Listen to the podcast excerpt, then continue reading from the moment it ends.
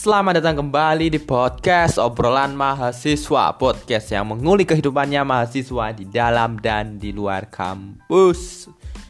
Teman-teman, ini merupakan episode yang ke-20 Dan untuk topik bahasan hari ini adalah mengenai jendela dunia.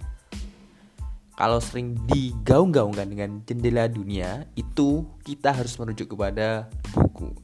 Buku merupakan jendela dunia uh, untuk hari ini saya akan menjelaskan uh, seberapa penting seorang mahasiswa itu membaca buku dan perlukah e-book itu di zaman sekarang. Uh, let's say, oke langsung saja saya akan memulai dengan buku, buku, buku, buku.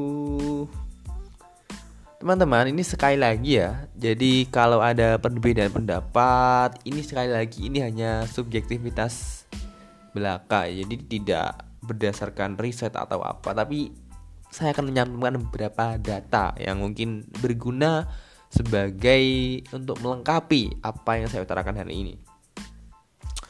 Uh, sebenarnya kalau buku ini kan sebenarnya kita sudah dikenalkan sejak kecil sejak TK saya pertama kali buku itu sejak TK pada saat TK saya sudah belajar itu membaca.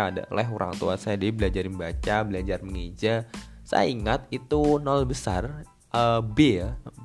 Nol besar itu B. Jadi masih TK TK tahun kedua itu saya sudah bisa membaca. Jadi saya sudah buku buku meskipun bukunya bukan buku bacaan buku menggambar terus apa itu belajar menulis buku-bukunya seperti itu. Tapi itukah tahap awal pada saat mulai memegang buku. Setelah itu saya ingat waktu MSD kalau saya dulu MI MI itu saya sudah mulai membaca. Di membaca terus baca pelajaran. Itu kalau sudah masuk ranah sekolah dasar. Dan uh, erat erat kaitannya dengan mahasiswa adalah begini Sebenarnya membaca buku ini adalah sebuah berawal dari hal-hal biasa ya. Kita iseng membaca, terus kita nyaman dengan membaca buku itu, terus akhirnya kita menjadi terbiasa, terbiasa, terbiasa dan kalau tidak membaca buku kita ada yang ganjil, ada yang aneh. Jadi membaca buku seperti itu. Jadi kalau kebiasaan ini tidak dimulai dari kecil memang pada saat kita mewujudkannya di apa di saat kita sudah dewasa itu sangat sulit karena memulai itu lebih sulit daripada meneruskan. Memulai itu lebih sulit dari meneruskan. Ini dalam konteks membaca buku. Nah, kalau mungkin juga ada yang mulai apa gemar membaca buku sejak SMP ataupun juga sejak SMA. Tapi sekali lagi mereka itu uh, lebih mudah untuk uh, apa meneruskan daripada memulai. Andai kan kita baru membaca rajin, gemar, senang membaca buku pada saat kuliah, itu suasananya uh, halnya sudah beda pada saat kita sudah mulai gemar sejak SMP atau SMA. Karena kalau sudah kita sering membaca buku sejak SMP atau SMA, itu pengetahuan kita soal buku sudah luas. Karena kita sudah sejak SMP, sejak SMA sudah membaca buku itu berbeda dengan teman-teman seperti saya yang gemar membaca buku yang gemar loh ya bukan istilahnya membaca gitu aja yang gemar membaca buku sejak sejak kuliah. Saya harus menerka-nerka terlebih dahulu. Pengetahuan teman-teman yang tahu saya belum tahu karena saya belum memulai. Di saat teman-teman saya sudah membaca bukunya Pramudia Anatatur saya baru membaca bahkan belum katam. Jadi pada saat diskusi ya jelas saya lebih banyak menjadi pendengar karena saya belum mengetahui uh, isi-isinya begitu isi-isinya buku tersebut. Nah, itu tadi masalah lebih mudah ya. Intinya lebih mudah meneruskan daripada memulai dalam konteks membaca buku. Terus juga kalau kita sudah mahasiswa, buku apa saja yang sebenarnya perlu kita baca? Lah, sekali lagi, ini menurut saya ya kalau menurut saya kalau kita sudah masuk ranah perguruan tinggi dalam ini kita menjadi seorang mahasiswa buku yang seharusnya kita baca adalah buku-buku yang bersifatnya menambah wawasan saya kira. Menambah wawasan menambah skill menambah skill menulis itu perlu dibaca. Saya kira buku-buku seperti novel itu saya kira kalau kita sudah masuk ranah mahasiswa itu seharusnya intensitas membacanya dikurangi untuk membaca novel ya buku-buku fiktif itu dikurangi.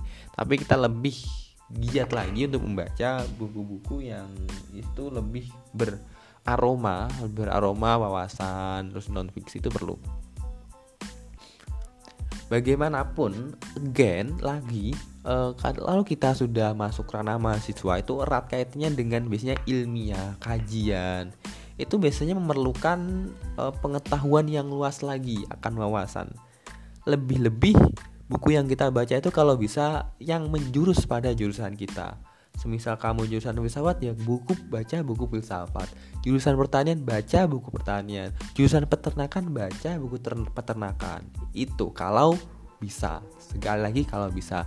Tapi kalau tidak bisa uh, yang kita sukai karena kita tidak mampu, tidak mau tidak ada mood tidak ada apa ya ya ada gairah pada saat kita membaca buku yang berwawasan pada saat buku yang menjurus pada jurusan kita ya yang kita, kita punya moodnya adalah membaca novel terus membaca buku sejarah ya nggak apa-apa lah kita baca buku itu Leb, lebih baik membaca buku tersebut daripada tidak daripada tidak.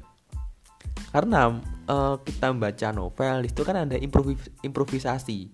Mungkin terhadap skill kita menulis terus apa uh, perbendaraan kata yang kita miliki. Jadi pada saat kita pengutaran pendapat kata yang kita punya itu banyak sekali diksi yang kita gunakan bisa tepat. Terus juga skill kita untuk menulis juga lebih baik karena kita mengenal kita mengetahui ejaan yang benar terus apa uh, kapitalisasi yang benar itu adalah hal-hal positif pada saat kita membaca membaca membaca terutama ya. Jadi yang pertama perlu ditumbuhkan adalah bagi teman-teman yang belum mempunyai kemampuan untuk membaca itu adalah eh, bagaimana kita menumbuhkannya yaitu dengan cara kita mencari sosok-sosok inspiratif, kita mencari inspirasi agar eh, kemauan kita untuk membaca itu tumbuh. Agar kita tidak hanya menggantungkan pada brainly kita browsing jangan. Lebih baik kita tahu terlebih dahulu sebelum kita mencari di Google. Itu lebih baik saya kira. Uh, saya sendiri saya sendiri adalah saya sendiri tuh gemar membaca buku baru semester 2 ya baru semester 2 jadi semester 1 uh, saya bersyukur bisa mengenal teman-teman yang mempunyai hobi uh, membaca. Ya hobi membaca baca buku. Dari situ karena saya karena pergaulan itu akhirnya saya tertrigger untuk membaca buku. Memang buku yang saya baca dulu awal-awal adalah novel. Saya ingat dulu buku yang saya lahap sampai habis pertama itu bukunya novel Boy Chandra yang judulnya Malik dan Elsa. Itu adalah buku awal yang saya baca. Dari buku tersebut saya mulai membeli buku-buku yang lain sebagai bahan bacaan yang saya lahap. Memang feelnya beda teman-teman. Pada saat kita sudah sering membaca dengan yang tidak pernah membaca itu feelnya beda. Apalagi kalau kita sudah berhadapan dengan soal. Menurut Anda, soal menurut Anda itu bagi teman-teman yang sering membaca buku mereka tahu sedikit saja pengetahuannya, mereka dapat menjabarkannya dengan banyak daripada teman-teman yang tidak pernah baca buku. Dahulu saya begitu, uh, saya pernah mengerjakan soal sebelum saya membaca buku dan sesudah membaca buku itu beda. Pada saat sebelum baca buku itu hanya saya saya hanya bisa menjabarkan uh, jawaban saya dengan sedikit. Tapi pada saat saya setelah membaca buku, itu jawaban yang saya jabarkan itu banyak dan kalimatnya itu dibaca juga enak terstruktur. Jadi tidak asal-asalan struktur kalimatnya tidak asal-asalan. Subjek predikat objek terus bahasanya didengar juga enak. Itu karena setelah saya baca buku. Tapi eh, kadang-kadang kalau kita terlalu baca novel apalagi novel-novel cinta itu biasanya kita menjadi bucin. Ya. banyak teman-teman yang bilang begitu. Maka kan saran saya kan seperti tadi bahwa kalau saya pribadi ya kalau saya pribadi melakukannya begini saya tetap sekarang itu baca novel. Saya sekarang juga tetap baca buku sejarah. Saya sekarang juga membaca buku wawasan yang menambah pengetahuan. Karena bagi saya buku-buku wawasan terus buku-buku sejarah itu kan kadang berat. Untuk dibaca itu berat dipahami itu susah. Kadang kalau kita membaca sudah berapa mungkin lima halaman terus kita lelah. Lelah aduh bosen. Lah itu adalah obatnya adalah kita membaca novel yang lebih ringan yang mungkin lebih ceritanya lebih menarik untuk diikuti. Harusnya seperti itu kalau menurut saya ya. Tapi kalau ada teman-teman yang lurus yaitu membaca buku apa buku yang non fiksi buku sejarah terus buku pengetahuan wawasan itu baik. Tapi biasanya nanti ada kadar lelahnya biasanya. Ada saat-saat pada saat lelah jenuh ya di situ kalau di kalau saya membaca novel tapi nggak tahu apakah teman-teman yang lurus tersebut terus membaca buku-buku wawasan apa enggak nggak mempunyai keletihan dalam membaca buku tersebut saya juga nggak tahu. Setiap orang berbeda-beda. Uh, terus buku apa saja yang perlu dibaca? Ya kalau menurut saya karena tujuan itu dengan tujuan kita. Kan ada teman-teman yang tujuannya itu saya ingin membaca dan menulis lah pada saat ingin membaca dan menulis itu kan udah erat kaitannya dengan ejaan, diksi kan dan dan yang lain-lain. Oleh karena itu kita harus memperbanyak buku-buku yang beraroma sastra. Jadi novel, mungkin novel untuk sebagai apa? Sebagai penghilang bosan. Terus kita juga memperbanyak bacaan dengan baca-bacaan yang sastrawi agar uh, sekali lagi ya perbendaharaan kita itu banyak jadi kata-kata yang kita tuliskan itu tidak hanya kata-kata yang monoton yang sudah banyak dikenakan oleh banyak orang. Jadi kita itu mempunyai sisi menarik dalam menulis. Itu kalau tujuannya untuk menulis. Itu juga buku wawasan karena sekali lagi pada saat kita menuliskan buku, apalagi kalau buku itu buku yang non fiksi, terus kita tidak menyantumkan data, itu biasanya kadar kepercayaan dari pembaca itu menurun dibandingkan dengan penulis yang menyantumkan data sebagai penguat agar para pembaca itu percaya bahwa yang mereka tulis itu benar-benar terjadi, benar-benar real, tidak fiktif. Terus kalau saya hanya ingin membaca ya udah. Kalian pengetahuan yang kalian yang ingin ketahui itu apa? Kalau sekadar ingin membaca. Tapi kalau ada erat kaitannya dengan nulis ya seperti itu terus buku-buku yang bagus ya ini saya juga dapat kabar dari teman-teman saya ya. Buku-buku yang sering mereka baca yaitu lebih ke buku-buku yang aromanya pergerakan. Karena teman-teman saya yang kutu buku itu adalah kebanyakan orang-orang aktivis. Jadi buku-buku yang mereka baca lah buku-buku yang beraroma pergerakan. Bagi teman-teman yang tahu Madilog terus juga apa Sohugi, catatan seorang demonstran, terus juga apalagi tuh? Mungkin yang lebih berat lagi ada Das Kapitalnya Karl Marx itu kan sebenarnya buku-buku pergerakan. Biasanya teman-teman aktivis itu rajin untuk membaca buku tersebut. Tapi kalau teman-teman yang lebih akademisi itu lebih ke wawasannya dan yang menjurus jurusannya jurusan ekonomi ya yang mereka baca buku-buku tentang ekonomi. Mungkin bukunya Robert Kiyosaki dan lain-lain pokok bukunya tentang ekonomi. Itu mereka baca sebagai bahan bacaan mereka sebagai lah sebagai penambah pengetahuan bagi mereka. Lah itulah teman-teman ya. Berbeda-beda. Uh, kalau saya pribadi saya pernah membaca buku yang kiri kiri itu pernah. Buku-buku yang beraroma pergerakan juga pernah.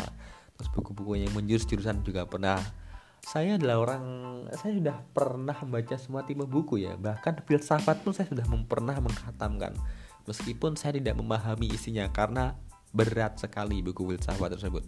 Dan bagaimana saya mengatasi kalau saya jenuh? Ya seperti yang sudah saya bilang tadi dua kali dari di awal yaitu dengan membaca novel. Karena bagi saya novel tersebut dapat menghilangkan kejenuhan pada saat kita membaca.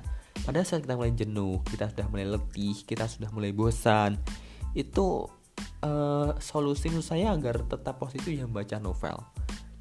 Uh, daripada membaca HP ya dari membaca HP nanti kita semakin nyaman dengan HP kita nggak mau baca buku lagi.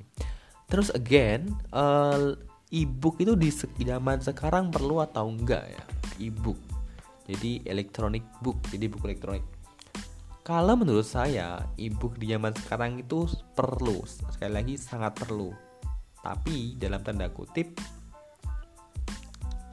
harus apa uh, tidak sembarangan. Dalam hal ini harus asli filenya. Jadi ebooknya jangan yang bajakan. Karena sekarang banyak sekali ebook-ebook yang bajakan dengan kualitas yang buruk. Kenapa kok tidak jangan gratis?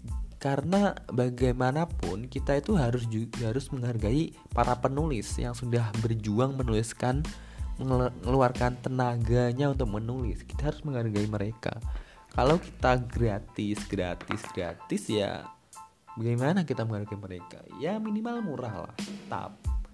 Karena saya yakin kalau orang-orang yang benar-benar ingin membaca buku sebanyak apa pun harga yang dipatok pasti akan dibeli. Itu berbeda dengan teman-teman yang mentalnya gratisan.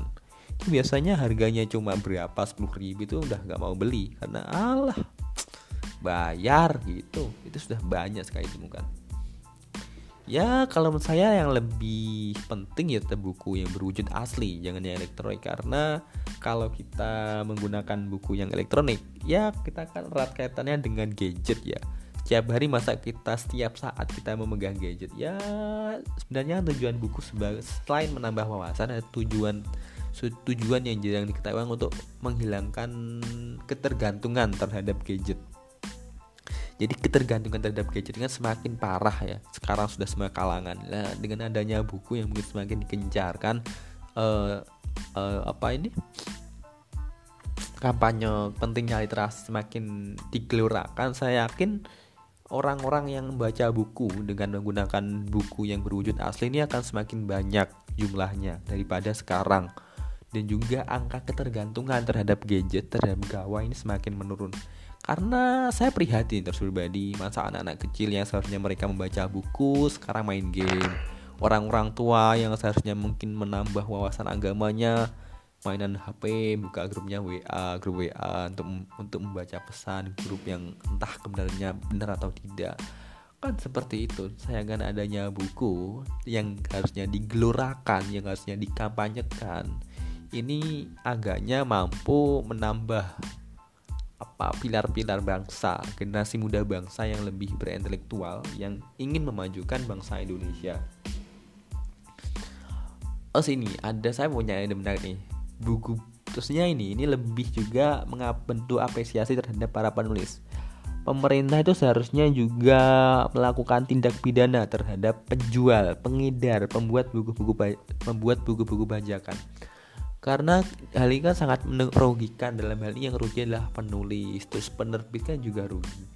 Ya buku-buku bajakan ini berhasil dirampas diberangus saya kira kesejahteraan penulis terus bentuk apresiasi terhadap penulis dan penerbit itu ada.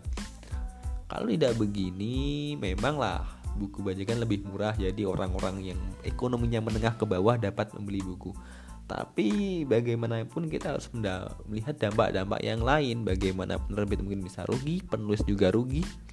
Andai kan penulis tidak tidak sejahtera siapa lagi nanti yang uh, akan menuliskan buku yang akan menuliskan ide dan gagasannya ke dalam sebuah buku? Siapa lagi?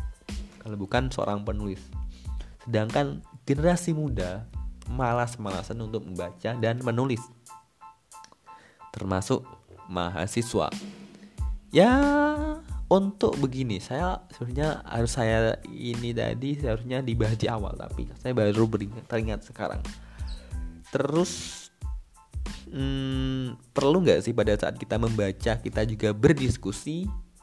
Kalau saya pribadi menjawab perlu. Karena kenapa? Begini pada saat kita mempunyai wawasan terus kita itu mampu menularkannya ke orang lain itu saya kira sebuah hal yang luar biasa. Hal yang wah pada saat kita dapat menularkan kepada orang lain. Pada saat kita diskusi mungkin diskusinya bedah buku itu mungkin ada argumen-argumen yang mengalir pada kita yang itu dapat apa mengharuskan kita untuk menelaah lebih dalam untuk berpikir kembali apa isi buku tersebut tentang apa buku isi buku tersebut topik-topik apa yang dibahas dalam buku tersebut itu akan membuat kita lebih berpikir lebih maju agar kita tidak berjalan di tempat.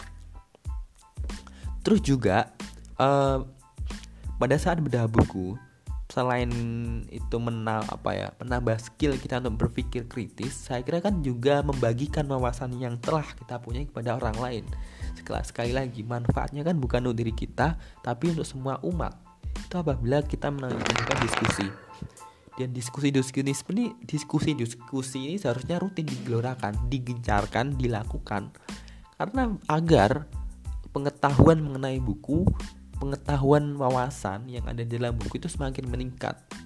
Jadi jiwa-jiwa pemikir itu ada. Jadi bukan hanya jiwa-jiwa pengekor, bukan hanya jiwa-jiwa pengikut, tapi jiwa-jiwa pemimpin itu ada, jiwa-jiwa pemikir ada. Uh, saya berharap tidak hanya mahasiswa yang dalam dalam hal ini kerap digaung-gaungkan dengan kaum intelektual tapi juga seluruh elemen yang ada di masyarakat baik itu masyarakat menengah ke bawah, masyarakat menengah maupun menengah ke atas itu harusnya sudah mulailah membaca buku. Yang anak kecil mungkin baca komik, yang sudah remaja mungkin baca buku sejarah, yang sudah apa? Sudah masuk kuliah mungkin buku baca buku-buku filsafat buku-buku yang pengetahuan. Yang sudah tua mungkin membaca buku-buku agama, buku-buku agama.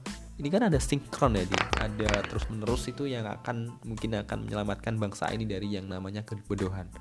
Semoga semangat literasi tetap ada di anak muda karena siapa lagi yang meneruskan generasi tua kalau bukan anak muda Terima kasih sudah mendengarkan podcast ini. Salam literasi, salam mahasiswa, and see you. Bye bye.